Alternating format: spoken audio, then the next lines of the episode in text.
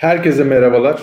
Ee, İçerik Bulutu Content Summit'in ikinci günde influencer marketing ile devam ediyoruz.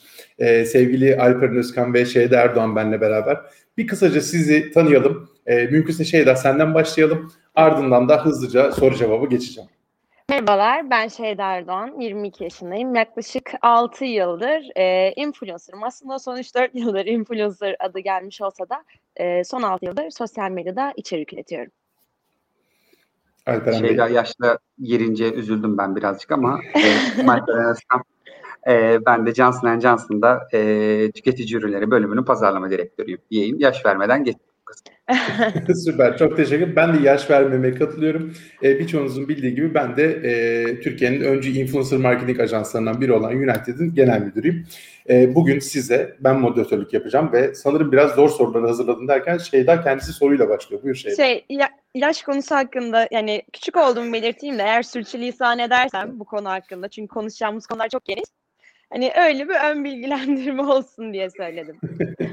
yok yok sıkıntı olacağını zannetmiyorum. Şimdi hazırsanız e, böyle bir içerikle alakalı, influencerla alakalı ve markanın buna yaklaşımıyla alakalı çeşitli sorular hazırladım. E, o sorularla başlıyorum ve basitten başlayacağım. Biraz da komplikeye doğru gideceğim. Ee, şey daha önce senle başlamak istiyorum. Hı hı. Sen aslında şimdi biz de hep influencer diyoruz. Ee, devletin gözünde etkileyici yayıncı olarak gözüküyorsun. Zamanında 2010-2011 yıllarında buna fenomen deniyordu. Artık da işte bildiğin gibi YouTube tarafında, Instagram tarafında buna bir creator, içerik üreticisi deniyor. Sen kendini bir içerik üretici olarak görüyor musun? Bu konuda kendine ait bir markada olduğu gibi bir içerik stratejin, içerik takvimin, buna göre bir hazırlanma planın var mı? Ben kendimi içerik üreticisi olarak görüyorum. Ee, yani bu işte artık ikinci nesilim diyebilirim hatta. Yani bizden önceki fenomenlerden sonra gelen e, ekipteniz. E, ve ben de içeriklerim konusunda kendime güvenli bir insanım. Evet içerik üretiyorum ve sadece içerik üretmenin yanında sıra aslında kendime influencer da dediğim için e, içerik üretmenin yanında birçok konu hakkında kitlemi etkileyebildiğimi düşünüyorum. Fikirlerimi paylaşabildiğimi düşünüyorum.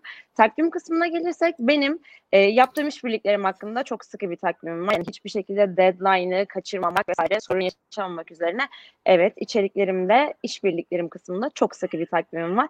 Ama kendi özel içeriklerime gelirsek e, genellikle akımlarla beraber ilerleyen yani yeni bir şey olduğu zaman e, ani bir şekilde çekim yapıp bir içerik üretebilen biriyim. O yüzden kendi içeriklerimde takvimim bir tık daha rahat ama bu rahatlık şöyle de olabiliyor. Bir günde üç tane video çekmem gerektiği de olabiliyor.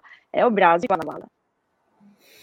E, ben şimdi Instagram'dan seni takip eden bir kişi olarak da aslında çektiğin Reels'ları hatta geçtiğimiz günlerde Tepki Kolik kanalı da e, influencerların çektiği Reels'ları incelerken herkesin ortak olarak beğendiği tek influencer'dın. E, açıkçası ben seni o konuda takdir ediyorum. Çünkü e, bizim hem Reels hem TikTok kullanımımıza Türk insan olarak baktığımızda dizilerimizde olduğu gibi bir acı dolu kurgular varken seninkinde aslında bir global video izliyormuş gibi o akımları gerçekten yakalayabildiğini görüyoruz. Ben bunun için bir kullanıcı olarak sana teşekkür ediyorum ve Alperen Bey'e dönüyorum. Alperen Bey siz aslında Johnson Johnson tarafında birçok markanızla beraber bir iletişim stratejiniz var. Ajanslarınızla beraber kurguladığınız bir takviminiz, e, çeşitli konuşma tonlarınız vesaire hepsini aslında belirliyorsunuz. Şimdi eskiden influencer marketing e, siz daha önceden de bir marka tecrübeniz vardı. Influencer marketing normalde bunlara ek bir çözümken e, yanlış bilmiyorsam son bir buçuk iki yıldan beri hayatınızda e, ana katmanlardan biri. İletişim stratejinizde ana elemanlardan biri. E, bu konuda marka gözüyle siz içerik üreticilerini nasıl konumlandırıyorsunuz? E, yani Arman söylediğim bir şeyde çok haklısın. E, dünyamızın ben e, marka iletişimi anlamında, iletişim stratejisi anlamında inanılmaz hızlı e, dönüştüğünü, evrimleştiğini düşünüyorum. E, yani şöyle söylemek gerekirse bundan bir 5 yıl önce hatta daha öncesinde düşünecek olursak e, yani masaya bir PR ajansıyla, bir ATL ajansıyla ve bir medya ajansıyla oturduğumuzda aslında o markanın önümüzdeki sene boyunca neler yapacağını bütün detaylarıyla zaten kurgulayıp kolayca çözümleyebiliyorduk aslında. Fakat dünya giderek daha kompleks hale gelmeye başladı. İşte sosyal medya yönetecek, kendi marka hesaplarını yönetecek ajanslar işin içine dahil oldu. Ondan sonrasında artık işte e, dijital içerik e, ajansları e, artık hayatımızın bir düzenli hali gel hali olmaya e, başladı, bir parçası olmaya başladı.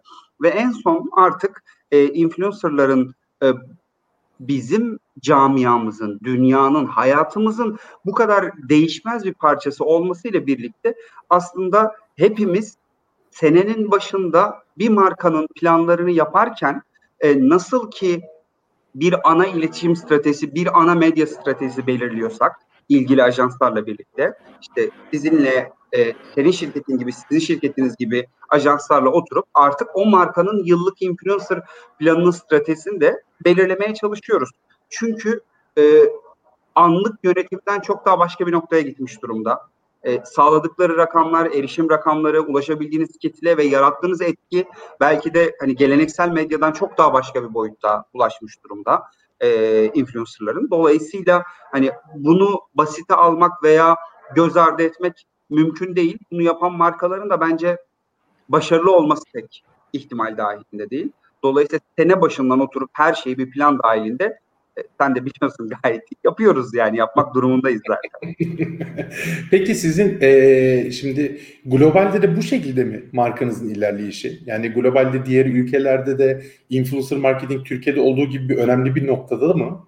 Yoksa bundan daha geri olan veya daha ileri olan daha aktif çalışılan ülkelerde var mı bildiğiniz kadarıyla? Ben ben ben aslında bu soruyu iki açıdan cevaplandırabilirim. Biz e, Türkiye Johnson Johnson Türkiye olarak aslında markalarımız globaldeki sahip oldukları güçten daha iyi bir konumdalar. Yani şunu söylemeye çalışıyorum. İşte İngiltere'de, Almanya'da göreceğiniz Neutrogena'dan, e, Le Marseille'den daha güçlü, daha büyük bir Neutrogena, daha büyük bir Le Marseille görüyorsunuz Türkiye'de.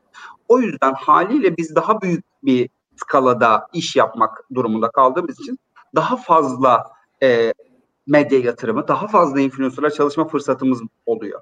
O anlamda şirket içi böyle bir dinamik var. Ama bir de bence Türkiye'nin global anlamda bu platformlardaki gücünü de e, göz ardı etmememiz lazım. Yani bunlar zaten her sunumda, bütün sunumlarda, bütün platformlarda paylaşılıyor. Korkunç rakamlar Türkiye'de kullanıcı sayıları açısından. TikTok'ta da en büyük ülkeyiz. Instagram'da da en büyük ülkelerden bir tanesiyiz. İşte Facebook'ta zaten yıllardır öyleydik. Bize hep bu anlatıldı. Bizim insanımız sosyal medyayı seviyor ya. Yani dolayısıyla bizim insanımız sosyal medyayı sevdiği için bizim o mecralarda çıkardığımız yetenekler ve o yeteneklerle yaptığımız projeler de e, Türkiye'den çıkıp e, Avrupa'yı veya dünyanın geri kalanını ilham eden işlere e, dönüşüyor ki zaten hani bu uluslararası e, pazarlama ödüllerinde falan da sürekli Türkiye'nin e, takdir edilmesi e, birazcık da bundan kaynaklı diye düşünüyorum. Biz early adapter bir ülkeyiz bence yani. Sana kesinlikle bu konuda katılıyorum. Hatta e, yani böyle dünya genelinde baktığımızda Şeyda'nın takipçi sayısı kadar bile olmayan ülke nüfusları var. Avrupa'ya bazı ülkelere gittiğimiz zaman onların inf- makro influencer görüşleri 80 bin, 100 bin takipçili insanlara inanılmaz büyük biri gözüyle bakıyorlar. E, bu arada o ülkelere göre gayet normal olabilir ama senin dediğin gibi bizim bazı şeyleri aslında e, yön verdiğimizi de düşünüyorum ben. Hem içerik üretimi konusunda hem konsept konusunda belki de sosyal ağların birçoğunun geliştirdiği özelliklerin e, aktif kalması ya da kalmaması Türkiye gibi güçlü sosyal medya kullanımı olan ülkelere bağlı bile olabilir. Şimdi hem biraz bir eskiye gideceğim. Eskiyle yeniyi harmanlayacağım. E, ikinci aşamada Şeyda'ya getireceğim bu soruyu. Çünkü aslında kısaca bahsedeceğim dönem Şeyda'nın influencer olmadığı dönem. 2010 yılı ile 2015 yılını biraz baz alacağım. Şimdi eskiden 2010 yılı 2015 yılları arasında biz ve çoğunlukla markalar influencerlara sadece rakam gözüyle bakıyorduk. 100 bin takipçisi var, 500 bin takipçisi var, işte 3 bin like almış, 5 bin yorum almış vesaire gibi sadece rakamlara göre özdeşleştiriyorduk. Fakat e, ne oldu da aslında e, markaların taleplerine göre mi bu influencerlar rakamlıktan ve sadece mecra olmaktan çıktılar ve birer içerik üreticisine dönüştüler? Yoksa influencerlar kendileri aralarında farklılaşmak için kaliteli içeriklere doğru yönlendiler, kaliteli içerikler üretmeye, yeni içerik tiplerine gittiler de mi acaba markalar onları içerik üreticisi olarak ya da biz onları içerik üreticisi olarak görmeye başladık?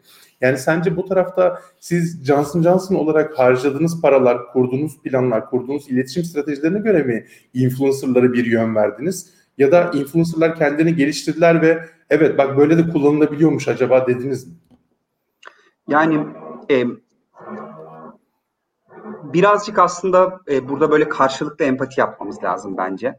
E, yıllardır e, medya satın alımını çok böyle tablolar ve rakamlar üstünden yapan bir endüstri ve bunun üstünden yapan pazarlamacılar var. Biz bunu gördük, buna alıştık ve bu işin bütün dinamiğini buna göre oturttuk. Kafamızdaki zihniyet, bu işin çalışması aslında bu şekilde. Dolayısıyla influencerlar ilk bu kadar yoğun konuşulmaya ve bütçelerde ciddi bir yer edinmeye başladığında haliyle herkesin kafası şuna gitti. Ya benim erişim maliyetim ne? Erişim maliyetim nerelere geliyor diye. Dolayısıyla influencerlar evet bir rakamdan ibaret görülmeye başlandı. Fakat e, bunun ben çok böyle doğal bir refleks olduğunu düşünüyorum. Çünkü hani biz de e, biz pazarlamacılar olarak masanın bu tarafında oturan insanlar olarak harcadığımız paranın geri dönüşünü her zaman hesaplama refleksiyle hareket ediyoruz. Fakat zaman içerisinde hepimizin gördüğü, öğrendiği bir şey de oldu. O kadar fazla insana e, birebir onların ellerinde ulaşabiliyoruz ve o kadar etki yaratabiliyoruz ya. Şey daha az önce söylemişti. Ben kitlemi etkileyebildiğimi düşünüyorum diye. O kitleleri nasıl harekete geçirebildiğini aslında biraz biraz influencerların markalar görmeye başladı. Ve bunu gördükçe iş aslında klasik bir medya satın almadan, klasik bir erişim hesabından biraz çıktı ve e, daha e, içeriğin kalitesine ve o influencer'ın e, kendi kitlesi üstündeki o yarattığı, yaratabildiği etkiye e, değer vermeye, kıymet vermeye ve dikkat etmeye başladık aslında bizler. Değişim böyle 2015-2020 e, süresince bence evrim bu şekilde gerçekleşti diyebilirim influencerlara bakış açısı olarak. Yani aslında Excel'de bir satır olmaktan çıkıp hayatlarımızda böylece daha fazla yer edinebildiler. Şimdi bu noktada şeyden sana dönüyorum.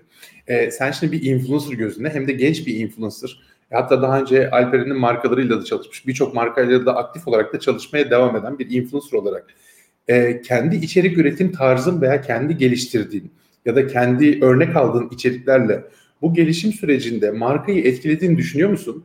Yoksa senin hayatına marka ya bu adamlar güzel para veriyor benim içerik kaliteme uymasa da yapayım mı diyorsun? Ya da senin gelişimine katkı sağlayan markalarda oluyor mu? Yani şey daha böyle yapıyor mu? Şunu şöyle yapsaydık daha kreatif bir şeyler çıkabilir acaba diyen e, sen nasıl bakıyorsun buna, bu gelişime?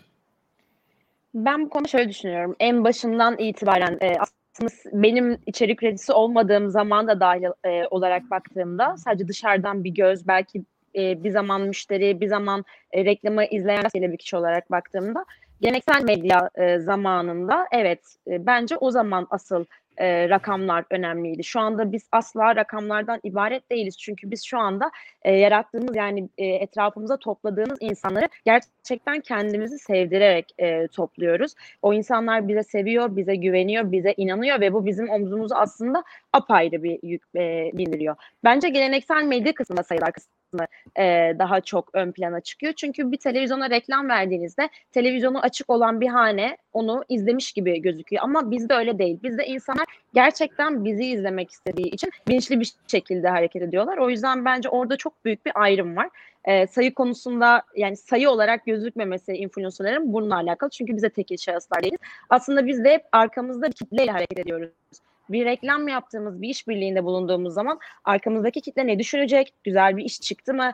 E, kullanacağım, önerdiğim ürünlerde arkamdaki kitle memnun kalacak mı diye bakıyoruz aslında. Çünkü biz e, geleneksel medyanın apayrı yani geleneksel medyadan çok ayrıştığımız bir yer arkamızdaki insanların e, bize verdiği destekle ilerlemiş olmamız. Yani şu an ben e, buradaysam bundan yani alt önce bakıldığı zaman odasında içerik üreten, video çeken e, bir genç lise öğrencisiyken şu anda olay apayrı bir yere gitti. Ve bunu biz tek tek aslında influencerlar tek tek e, sağladı. Yani tırnaklarıyla kazıyarak sağladı diyebiliriz. Özellikle son e, 4-5 yıl içinde gelişen bir e, platform yani daha doğrusu gelişen bir tanım var burada influencerlık tanımı. E, o yüzden asla sayılardan ibaret değil. O kadar çok konuştum sonra başını unuttum. Ee, bir daha bir hatırlatma alabilir miyim? Marka İçerik üreticiliğe dönüşte evet markanın senin üzerinde bir etkisi oldu mu yoksa sen sadece tek başına kendi ürettiğin içeriklerle burada unutma sadece şeyde olarak değil genel influencerlık olarak Hı. soruyorum bunu. Yani sen de aslında markanın e, influencerları satın alma kararında daha kreatif içerikler, daha içeriye uygun üretimler yapıyor, yaptırmış olabilirsin. Ya da marka da seni bu şekilde yönlendirmiş olabilir. Bu ikisi Alper'in dediği gibi iç içe geçmiş bir şey de olabilir bu arada. Yani ya şudur ya budur gibi bir cevap yok tabii ki de bunun. Hı hı. Yani ben şöyle düşünüyorum. Şimdi influencerlar yeni bir e, ürün geldiği zaman mesela Instagram'a işte Reels kısmı vesaire kısmı tabii ki de markalardan e, daha fazla deneme şansına sahip. Daha fazla deniyorlar. Kitlesi nasıl tepki veriyor görüyorlar ve atıyorum bir marka gelip bir Reels çekelim dediği zaman biz aslında önceden biliyoruz takipçilerimizin işte Reels çekerken, video çekerken neyi sevip sevmeyeceğini. Orada aslında birazcık e, karşılıklı olarak iletişimle beraber ilerlemek en mantıklısı oluyor. Evet bazı markalar oluyor ki briefleri çok kesin oluyor. Hiçbir şekilde esneklik sağlamak istemiyorlar vesaire ama yine de öyle durumlarda bile ben şahsım adına yine de markayla konuşup e, kendi kitlem hakkında bilgi verip e, yönlendirme yapabiliyorum. Çünkü baktığımız zaman gün sonunda iki tarafta bir kazanç sağlamak istiyor. Marka güzel bir reklam çıksın istiyor. E, tabii ki de influencerlar bir maddi kazanç elde ediyor arkasındaki kitleye e, kötü gelecek bir şey yapmak istemiyorlar. O yüzden bence bu konuda beraber ilerlendiği zaman çok daha güzel işler ortaya çıkıyor ve bence böyle olması lazım. Genellikle çalıştığım markalar bu arada bu konuyla yani e, bu anlattığım gibi ilerleyen markalar. E, zaten aslında bakıldığı zaman e, bir işbirliği yapıldıysa, daha sonrasında istatistiklere bakıldıysa e, anlıyorsunuz kitlenin bu işi benimseyip benimsemediğini, nasıl yanaşıp nasıl şey yapmadığını. O yüzden mesela bir marka çok kesin brieflerle gittiği bir işe bakıp biraz da e, influencer'ın kendisine hani e, söz verdiği kısımlardaki işlere baktığı zaman bence aradaki farkı çok rahat e, algılıyor. Ama evet markaların da tabii ki de influencer'lar e, açısından bir gelişim vardır. Ya mesela öyle bir brief verip ki sen daha görün e, kalite, daha e, kaliteli bir görüntü yakalamak zorunda kalırsın ya da çizginin dışına çıkmak zorunda kalırsın ve aslında fa- çok farklı bir şey fark edersin. O yüzden bence yani %50 %50 diyemesem de %70 influencerların e, e, bünyesinde olan bir olay diyebilirim buna. yani bu konuda birazcık ben de influence aldığım için şey Ben de şimdi bir ajans perspektifinden aslında buna bir yorum yapayım. Ee, bu benim gördüğüm 10-11 yıllık süre içerisinde aslında markayı ne kadar besleyebilirsek biz ya da influencer marka kendi yoğunluğunun içerisinden öyle bir yoğunluğun içerisindeler ki çünkü tek dertleri influencer değil. Birçok ajansta konuşuyorlar, televizyonu var, dizisi var, entegrasyonu var, trilyon tane işle uğraşıyorlar. O yüzden bu gördüm ki en iyi şeyin influencer veya ajansı tarafından her kimse bu marka ne kadar beslenirse bak Reels'a şöyle bir özellik çıkmış. Bak Shoppable Ads olarak böyle bir şey çıkmış. İşte Twitter tarafında artık bu yapılabiliyor. Buradaki video şu şekilde girilebiliyor. Bak globalde bunun böyle bir örneği yapılmış. Türkiye'de daha bunu yapan yok. Bunda media first olabiliriz gibi. Aslında mevcut kullanıcı tarafından marka ne kadar çok beslenebilirse marka da ona göre hem bütçesini hem kendi iletişim stratejisini hem içerik planını ona göre de oluşturabiliyor diye düşünüyorum ben. Ben hem burada Alper'e hem sana da katılıyorum. Aslında hem influencerların bunda çok etkisi var. Ama aynı zamanda baktığımızda influencer sektörünün bu kadar büyümesini sağlayan da markaların hem ürün çeşitliliği hem bir de o ürün için harcadıkları paralar olarak bakıyor olmamız gerekiyor. Biraz para şokomelerisi de bunun içerisinde mevcut. Şimdi bir ekleyeceğiniz bir şey yoksa devam ediyorum. Alperen her an haklısın ya da dur bir dakika orta, bir şey. Orta yolu mükemmel buldun markalarla, influencerlar arasında orta yolu mükemmel buldun da ona geliyordum ya. Ajansçılık. Bunun adı ajansçılık. Tabii, aynen. Herkes işini yaptı şu an bu arada. tabii tabii. Şimdi e, Alperen, e, iki katmanlı ve direkt seni ve markanı hedef alan bir sorun var. Şirketinizin en büyük markalarından biri Neutrogena. E, ve birçok alt markanız da var. Elinizdeki ürün gücü içerik üretiminde ayrı bir güç mü bu sizin için? Çünkü bunu şundan dolayı soruyorum. Bir telekom operatörünün elinde influencerla kullanabileceği bir fiziksel bir ürünü yok aslında. Veya birçok hizmet markasının elinde influencerlarla bunu duyurabileceği, edebileceği bir şey yok. Fakat sizin elinizde gerçekten geniş bir ürün gamınız var ve global olarak da çok büyük bir, çok bilinen, e, pozitif algısı çok yüksek ürünler var.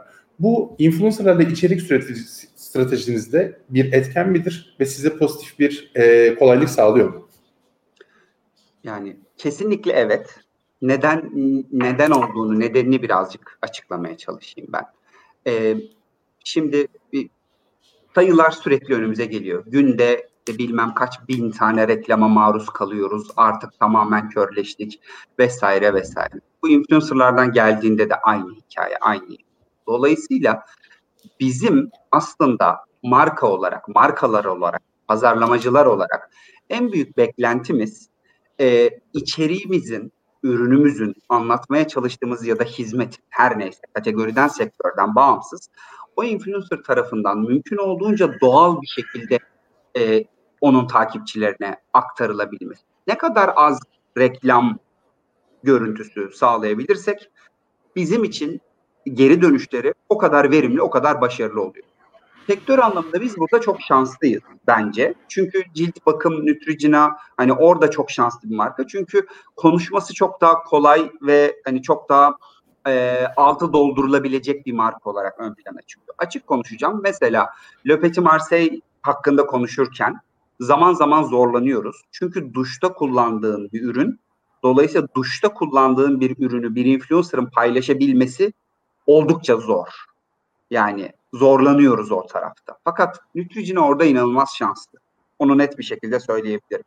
E, dolayısıyla Neutrogena'nın da e, oldukça geniş bir portföyü var. Yani işte e, bir insan ergenliğe girdiği andan itibaren kullanacağı sivilce karşı, siyah nokta karşı ürünle başlayıp anti-age'e varan geniş bir portföy var. Böyle olunca bu bize şöyle bir avantaj sağlıyor. Az önce dediğim e, konu eğer benim tek tip standart bir ürünüm olsaydı ve o ürünü bütün influencerlara anlattırmaya çalışsaydım muhtemelen bazılarında çok eğreti duracaktı bu ürün ve bu anlatım. Fakat e, bizim geçen sene e, Şeyda ile yaptığımız bir proje vardı. Ona değinmek istiyorum burada. E, onun geri dönüşlerine de bir ufak değinmek istiyorum. Biz orada siyah nokta karşıtı bir ürünün tanıtımını yapmıştık.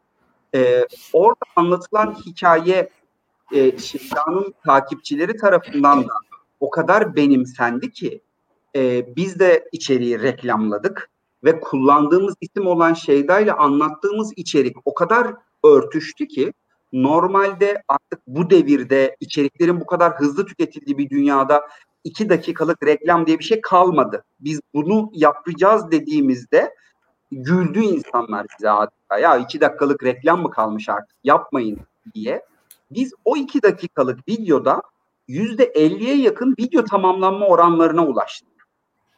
Bu tamamen bizim yarattığımız içeriğin ve kullanılan ismin ne kadar doğru olduğunun, doğru örtüştüğünün ve bu ikisi örtüştüğünde e, izlenme oranlarının o bizim endüstri standartlarının ne kadar ötesine gidebildiğinin net bir göstergesi oldu. O yüzden evet geniş bir portföy sahip olabilmek çok önemli ama bence belki de daha önemlisi doğru ismi bulup doğru isimle doğru ürünü eşleştirmek. Sırf rakamları daha iyi görünüyor kağıt üstünde diye birine gitmekte ısrarcı olmaktan ziyade çıkacak içeriğin kalitesine ve ne kadar e, o kişinin hedef kitlesiyle uygun olduğuna da e, dikkatlice bakmak lazım diye düşünüyorum. Umarım e, cevap olmuş Arman. Cevap oldu. Sıradaki sorumu da cevaplamış oldun aslında sen. Çünkü şimdi tam ikinizde de yine pas atabileceğim bir sorun vardı benim. Branded content konusu. Yani influencer'ın da aslında sadece bir ürünü paylaşması değil, aynı zamanda markaların gözünde de influencer'ın bir içerik unsuru olması, bunu farklı mecralarda kullanması, bu yeri geliyor televizyonda bir influencer'ı reklamda görebiliyoruz, billboardda görebiliyoruz, gazetede, basın bülteninde görebiliyoruz. Marka influencer'ı kendi YouTube kanalında konuk alabiliyor, ondan sunuculuk alabiliyor, içerik alabiliyor. Şu an birçok marka influencer'ları ürettiği içeriklerle sosyal medya hesaplarında güncellemeler yapıyor, onların paylaşımlarını yapıyor.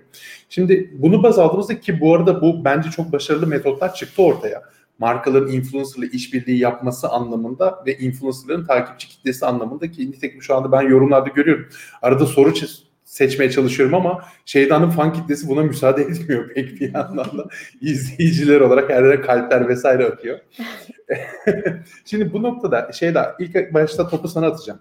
Sen bir markanın kendi hesabında yani örnek veriyorum Nutrition hesabında senin gözükmen e, veya işte bir satış dükkanında Nutrigena ürünleriyle beraber gözüküyor olman, bu bir kartonet olabilir vesaire olur ya da bir TV reklamında olmak.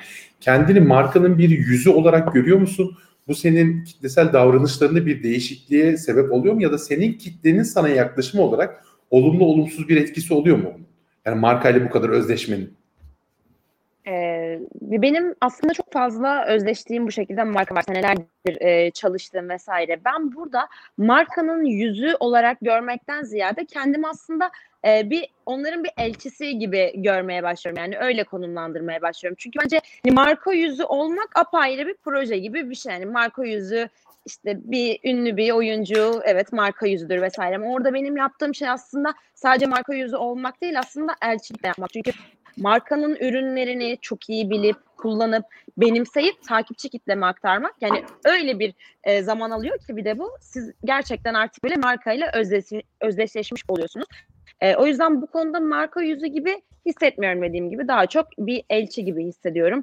Yani yeni bir ürün çıktığı zaman e, birçok sefer aynı markayla çalışmak, e, yine memnun kaldığın ürünleri insanlara sunmak bence çok büyük bir güven yaratıyor.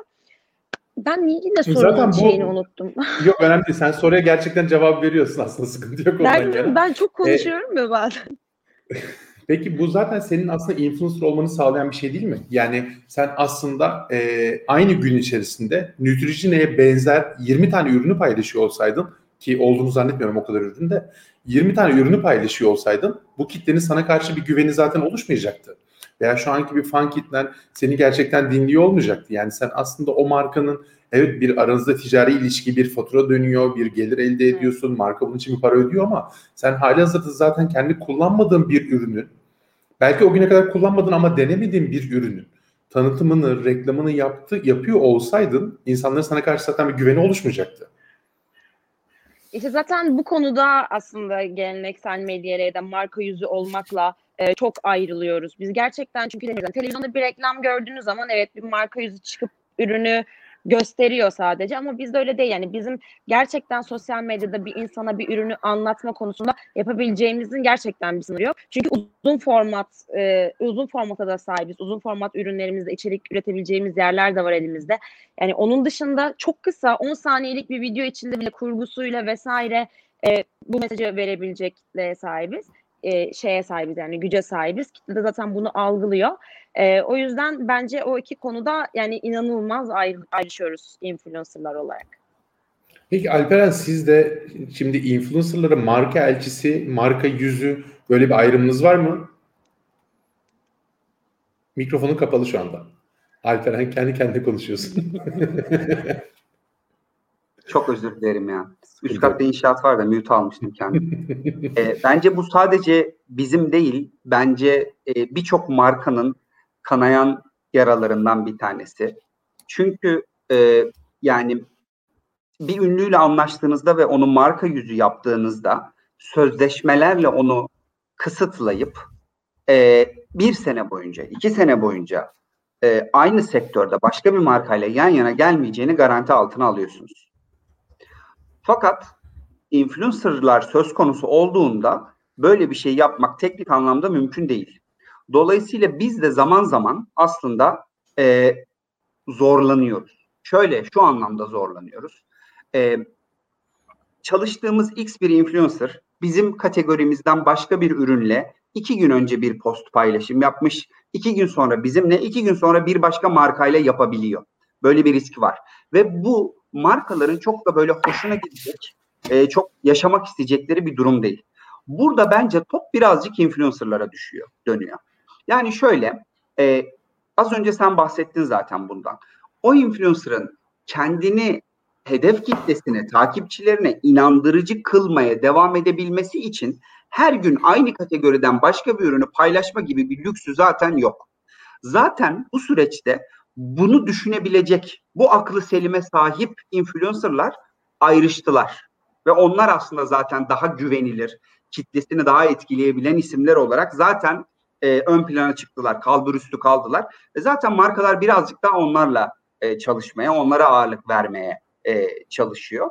E, dolayısıyla bu tarafta birazcık daha güven ilişkisiyle ilerleyen bir içerik ve ekskluzivite başlığı var e, diyebilirim. E, fakat e, yani tekrar söyleyeceğim gönül isterdi e, tabii ki de daha e, bu işi kontrollü yapıp e, çalıştığımız en azından belli başlı influencerların e, aynı kategoriden uzun dönemler başka bir şey paylaşmayacağını bilelim. Fakat pazar çok kalabalık, e, talep çok fazla. O yüzden biz de bir yere kadar bu taleplerimizi e, Şeyda ve Şeyda gibi insanlara kabul ettirebiliyoruz diyelim. Bu Şeyda'ya atayım burada. yani şöyle şuna çok katılıyorum. Bu bu arada benim de e, kendi arkadaşlarım yani influencer arkadaşlarımı çok eleştirdiğim bir konu. E, çünkü kendimi bir izleyici olarak e, konumlandırıp baktığımda sadece ertesi gün gün sonra keşke hani ürünü tanısalar aynı gün içinde aynı kategoriden iki üç tane aynı ürünü link veren gördüm ve hani bir izleyici olarak şöyle bir kenara çekilip baktığımda ya hani bu kız bunu üçüncü de yani aynı günde mi yani ne ara denedin ne ara kullandın hani ne ara bu oldu diyorsunuz. O yüzden bu benim kendi e, şahsıma konuşmam gerekirse şimdi etik olarak çok dikkat ettiğim şey. Çünkü bence bu etik dışı bir hareket. Hem aslında kitleniz açısından hem de çalıştığınız marka açısından. Yani ben çalıştığım her markaya senelerdir yani hiç, yani bu zamana kadar hiçbir zaman yapmadım herhalde. E, bu şekilde bir çakışma olmamasının garantisini verebiliyorum. Çünkü ilk önce kendimi düşünüyorum. Ya evet ben bugün bu ürünü tanıtıyorum ama ya yarın sırf hani para için aynı ürünün bir farklı markasını tanıtırsam e şimdi kitlem bana ne der oluyorum. Bence o yüzden herkesin bir şapkasını alıp önüne düşünmesi lazım. Bunu yapmayan influencer arkadaşlarım var. Sadece hani bizim açımızdan da değil, marka açısından da değil. Özellikle kitle açısından maalesef e, çok böyle komik geliyor ve bir yerden sonra evet ciddiyetlerini kaybediyorlar bence de. Yani bu arada ya bunu burada... maalesef Kasım'da çok görüyoruz. Kasım ayındaki işte efsane cumalar, muhteşem cumalar, kara cumalar. Ee, bu bir örnek var. Benim eğitim sunumlarımın içerisinde de var. Geçen 2020 Kasım ayında popüler bir influencer bir akşamda, dikkatinizi çekelim, 24 saat demiyorum, bir akşamda 9 farklı marka işbirliği yaptı. Bunlardan 3'ü birbirine bayağı kanlı bıçaklı rakiplerdi. Ben sormak isterim ben nasıl şey başardığını bunu. Evet, tam tam aslında e, Kasım ayı dedin sen ona gülümsedim. E, yani bu işi aslında birazcık kızıştıran belli sektörler de var. Çünkü böyle influencerlarla ekskluzif anlaşabilecek hacimde iş yapan belli başlı e-ticaret oyuncuları e, var ve bu e-ticaret oyuncuları kendi markalarının tanıtımı değil, kendi platformlarında satılan ürünlerin tanıtımı şeklinde bu influencerlarla deal'lar yapıyor ve sonrasında o yaptıkları deal'ları markalara da e, kendi yıllık anlaşmalarının bir parçası olarak e, veriyorlar. Dolayısıyla bir yerde e, bence influencerlar da ters köşede kalıyor olabilir. Gelen talep o taraftan işte yıllık toplu anlaşma yaptığı X, Y, Z e, ticaret oyuncusundan gelen bir e, baskıyla aslında hani bu tür bir karmaşa, kaos, e, kendi takvimini yönetememe e, durumu gerçekleşiyor olabilir. E, ama e, yani burada e, yani ben şeyden söylediği şey çok e, hoşuma gitti e, açıkçası. Hani orada birazcık bizlerin de dikkat etmesi lazım e, demesi.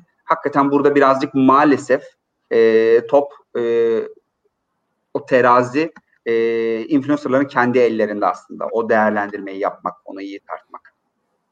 Kesinlikle katılıyorum bu noktada. Şeydan'ın dediği etiklik konusu en önemli konulardan biri.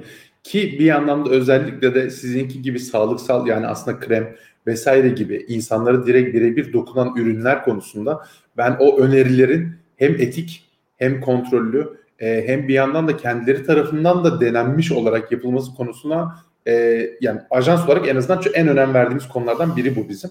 E, ben de ayrıca Şeyda ve senin ve senin gibi düşünen herkesi de tebrik etmiş olayım Alperen vasıtasıyla. E, Enes 5 dakikamız kaldı diyorsa merak etme Enes ben de burada bir yandan takipteyim. Şimdi bitirmeden önce e, aslında pandemiyle de bağlantılı benim bonus soru adını verdiğim bir kısmım var. Ee, onunla ilgili aslında hem Alper'in hem şeyden sana böyle genel birer tane soru soracağım. Ondan sonra sorumuz varsa alalım diyeceğim ama herkes Şeyda en güvenilir influencer para için reklam yapmıyor. Şeyda önerdi diye alalım diyen bir ton insan var yazıyorlar şu anda orada. Şimdi biliyorsunuz pandemi dolayısıyla geçen artık bir yılımızı doldurduk ülke olarak kapanmamızın, evlerden çalışmamızın vesairemizin. 2020 Mart ayını evet hepimiz bir kapanarak, bir korkarak ne olacak diye geçirdik. Daha sonra da e, Alperen aslında bu senin daha rahat anlatabileceğin bir şey. Normalde televizyon reklamı için prodüksiyon yapan markalar prodüksiyon yapamamaya başladılar. Çünkü ünlüler evlerine girilmesi izin vermedi. Prodüksiyon şirketleri çalışmadı. E, televizyonlarda ya da işte OTT platformlarında ellerinde yeteri kadar içerik yoktu.